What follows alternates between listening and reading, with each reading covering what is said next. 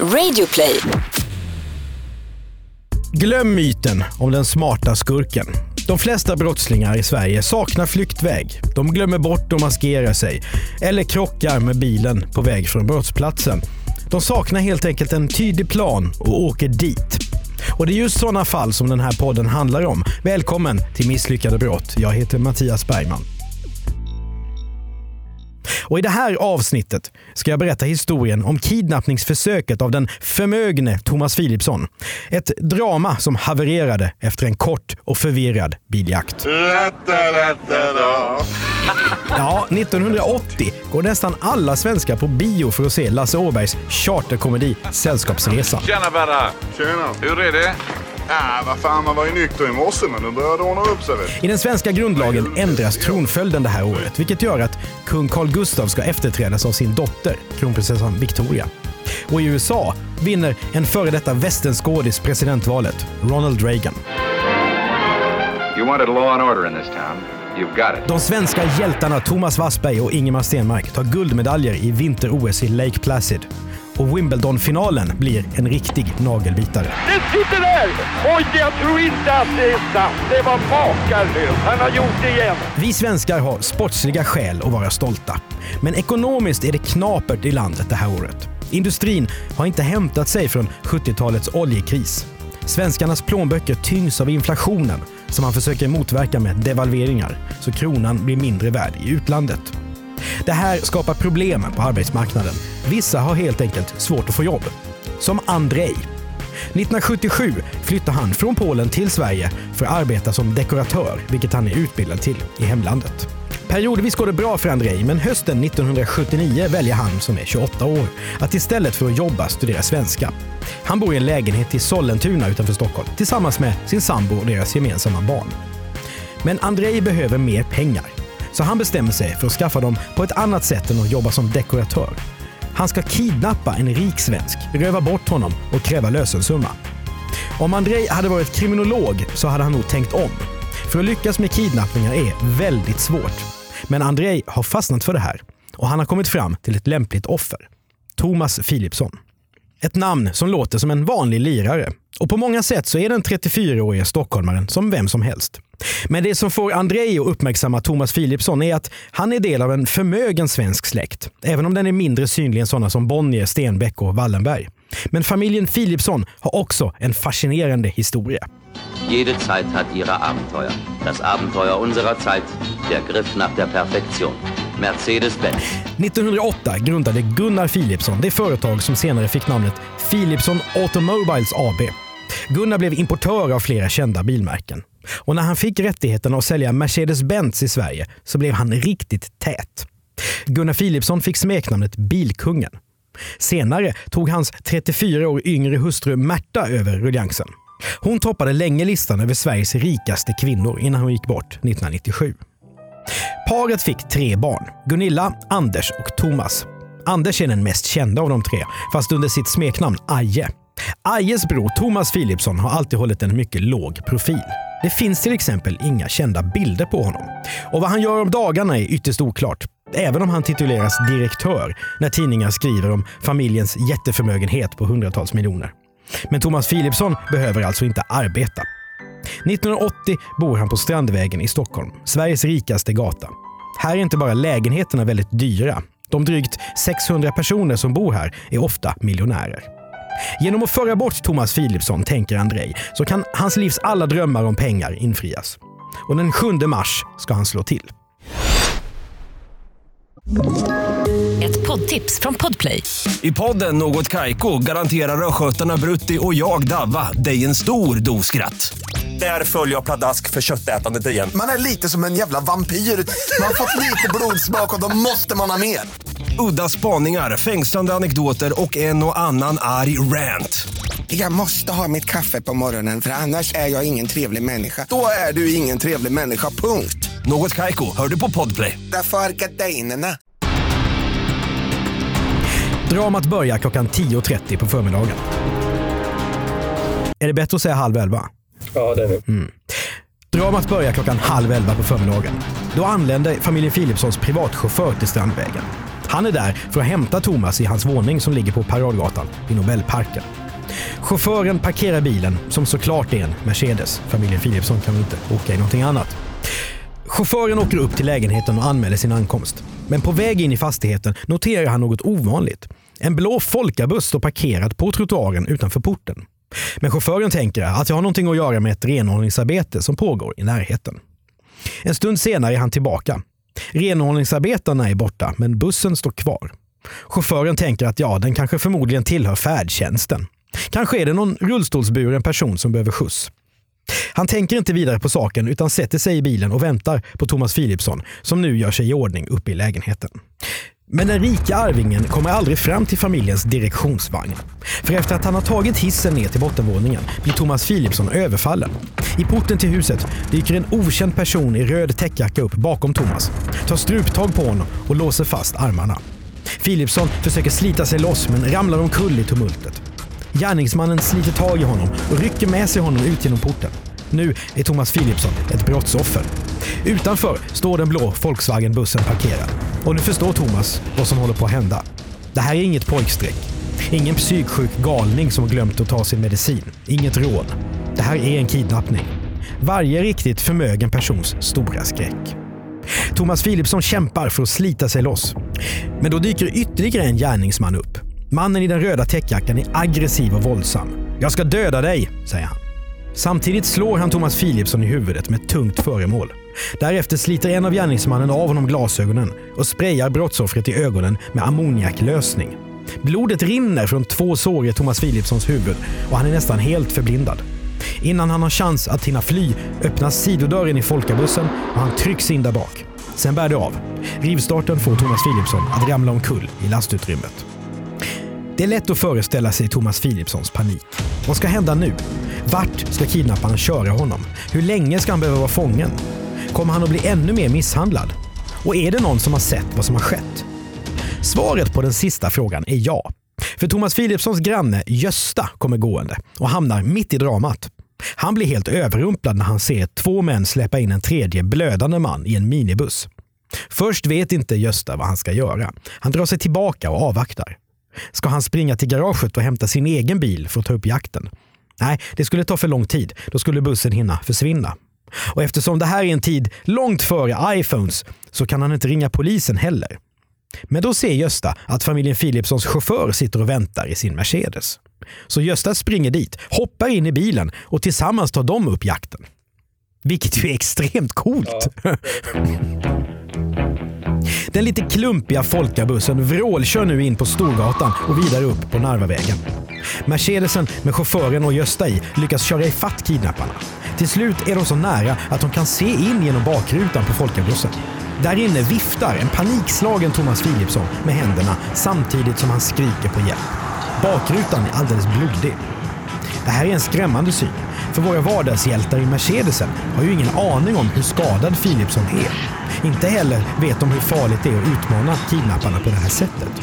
Gösta och chauffören har ju ingen aning om hur många gärningsmännen är. Eller hur farliga de är. Kanske kommer de plötsligt att hoppa ur minibussen och skjuta mot dem med automatvapen. Men så blir det inte.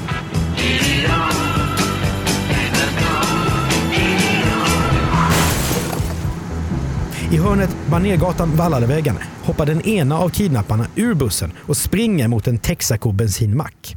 Gösta och chauffören väljer att strunta i honom utan fortsätter följa efter skåpbilen. Deras mål är att befria Thomas Philipsson, även om det betyder att någon av gärningsmännen flyr och kommer undan. Framme vid Karlaplan stannar folkabussen. Föraren hoppar ur och försvinner ner i tunnelbanan. Gösta och chauffören springer mot bussen. Men de hinner inte fram förrän Thomas Philipsson på egen hand slänger upp dörrarna och vacklar ut. Han är chockad och nedblodad, men ändå välbehållen. Gösta och chauffören känner hur han stinker av ammoniak. De kör Philipsson till sjukhus där han äntligen kan andas ut. Och nu går dramat in i nästa fas. Polisen kontaktas och rivstartar en utredning. Nu måste de här två kidnapparna hittas så fort som möjligt innan de hinner förstöra bevis eller fly landet. Polisen spärrar av brottsplatsen. På Strandvägen hittar de en röd sprayflaska med ammoniak. Och på den finns det flera fingeravtryck. I närheten ligger också en frottéhandduk, en röd tröja och två knappar som senare visar sig komma från Thomas Philipssons överrock. I den övergivna Volkswagenbussen vid Karlaplan finns kommunikationsradio, radiomottagare med hörlur, startpistol, kikare, en rulle häftplåster, burk med svartpeppar och rep av olika längder. Dessutom hittas två resväskor med sovsäckar, träningsoveraller, träningsskor och gasolvärmare. De här fynden gör att polisen kan konstatera att det här misslyckade brottet faktiskt var åtminstone delvis planerat och inte ett spontant infall. Kidnappningar av förmögna människor är väldigt ovanliga i Sverige. Så den här händelsen chockar och engagerar svenska folket. Tipsen strömmar in till polisen. Någon berättar om en man som för två år sedan skulle ha sagt att han skulle kidnappa Thomas Philipssons mor Märta. Polisen plockar in honom på förhör. Allt annat hade varit tjänstefel. Men det visar sig att mannen inte har med saken att göra. Men så kommer avgörande tips till polisen om en annan person. Andrej.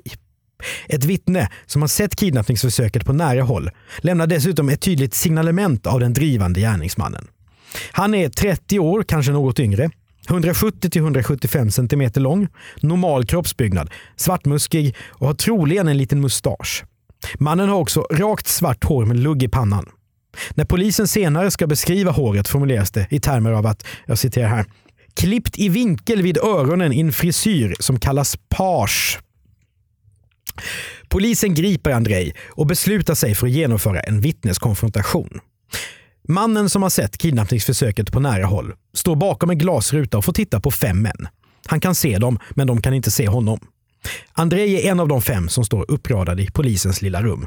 Och Det är också honom som vittnet pekar ut med, som han uttrycker saken, 90% säkerhet. En procentsats som han sen ska stå fast vid under två rättegångar. Nu gör polisen dessutom husrannsakan hemma hos Andrej. Polisspråk för att man helt enkelt vänder upp och ner på bostaden i jakt på bevis. Där hittas damstrumpbyxor som är sönderklippta så att de kan användas som mask. Men det finns också annat som är misstänkt. Utredarna hittar ett kvitto på 21 000 kronor för vad som 1980 beskrivs i termer av en komplett videokassett-tv-utrustning. Den här summan motsvarar nästan dubbelt så mycket i dagens penningvärde. Hur har en arbetslös dekoratör haft råd med det? Andrei sambo kanske? Nej, hon har inte heller haft särskilt gott om pengar. Polisens slutsats blir att utrustningen skulle ha använts i en förhandling om lösensumma.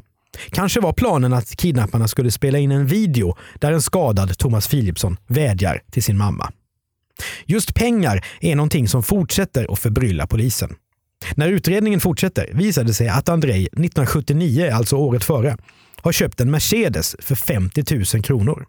Han har också betalat 70 000 i kontantinsats till sin och sambons lägenhet. Dessutom har han använt kontanter vid bägge tillfällena. I tiden sammanfaller de här utgifterna med resor till Polen och dåvarande Östtyskland som André har gjort. Vad han har haft för sig där är ytterst oklart. Däremot har han inte jobbat särskilt mycket i Sverige. Alltså verkar det här, tänker polisen, vara en person som tjänar pengar på skumma sätt. Nu är det dags för polisen att konfrontera Andrei med allt som talar emot honom. Ett vittne har med 90% säkerhet pekat ut honom på brottsplatsen. Och Andrejs fingeravtryck finns på den där sprayflaskan med ammoniaklösning som hittats på brottsplatsen. Kanske är det lika bra att erkänna. Nej, Andrej säger att han är oskyldig. Han berättar en långsökt historia om hur han har blivit bekant med tre män, förmodligen polacker. Han känner bara till deras förnamn, Helmut, Jacek och Jan. Och genom dem har han ovetande dragits in i kidnappningsförsöket.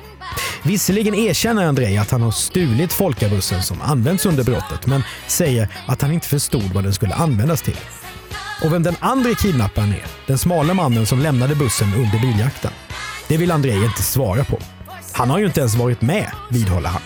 Men vittnen har ju sett Andrei på brottsplatsen, påpekar utredarna. Hur kan det komma sig? Jo, berättar Andrei i förhör. Det har sin naturliga förklaring. Av en ren slump så råkar han åka förbi Strandvägen strax efter bortförandet av Thomas Philipsson och ser då sprayflaskan, handduken och trasan som polisen senare hittar där. Han känner igen föremålen som sina egna och drar slutsatsen att hans landsmän har stulit dem och att de på något sätt har hamnat på Strandvägen. Så där berättar Andrei i alla fall i början. Sen justerar han sin historia fram och tillbaka. Den enda slutsatsen blir att Andrei helt enkelt försöker ljuga sig fri. Stockholms tingsrätt då? Nej, den ger inte mycket för Andrejs förklaringar. Det är helt enkelt för mycket som talar emot honom. Därför döms han till åtta års fängelse. Under rättegången fälls han också för brott som grovt rån, olaga vapeninnehav och annat. Svea hovrätt sänker sedan straffet till sju år. Andrei blir också utvisad på livstid. Men trots avslutad utredning och fällande dom finns många frågor kvar. Vart hade kidnapparna tänkt köra Thomas Philipsson? Varför fastnade de för just honom? Hur stor lösensumma hade gärningsmännen skissat på? Varför valde Andrei att stanna folkabussen och fly ner i tunnelbanan? Han kunde ju bara ha fortsatt flykten. Vart tog den dyra videoutrustningen vägen?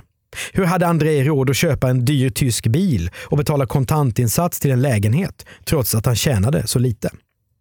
Tyvärr har vi inget svar på de här frågorna än idag. Inte heller vet vi vad André gör. Klart är i alla fall att han och kumpanen ligger bakom ett klassiskt misslyckat brott som började med drömmar om miljoner och slutade med en tvärnit framför tunnelbanan. Men kanske hade det här kunnat bli ett lyckat brott om det inte hade funnits så många vittnen. Och ett av dem är en särskild hjälte i det här fallet. En Östermalmsdam som kan teckna. Efter att tidningar, radio och tv berättat om kidnappningsförsöket hör hon av sig till polisen. Kvinnan berättar att hon går Strandvägen fram den 7 mars. Iförd päls kan man ana och ser folkabussen och två män som uppträder märkligt. Hon har framställt två teckningar över hur männen ser ut och ger dem till polisen. Kvinnan berättar att hon uppfattar dem som utlänningar. Kanske italienare eller turkar. Den ene är tjock och den andra spänslig, lite som Helan och Halvan. Den yngre och smalare är gissningsvis 17 år och den äldre och tjockare 28 till 30 år.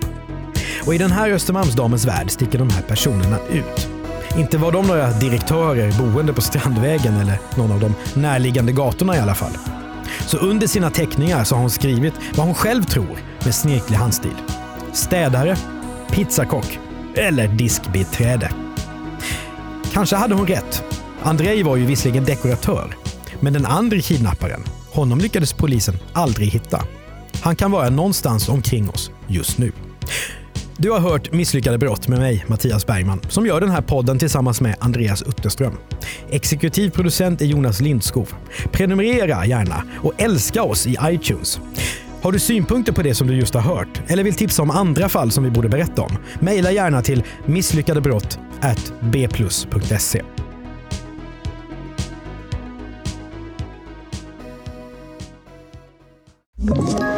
Ett poddtips från Podplay. I podden Något Kaiko garanterar östgötarna Brutti och jag, Davva, dig en stor dos skratt. Där följer jag pladask för köttätandet igen. Man är lite som en jävla vampyr. Man har fått lite blodsmak och då måste man ha mer. Udda spaningar, fängslande anekdoter och en och annan arg rant. Jag måste ha mitt kaffe på morgonen för annars är jag ingen trevlig människa. Då är du ingen trevlig människa, punkt. Något Kaiko, hör du på Podplay. Därför är gardinerna.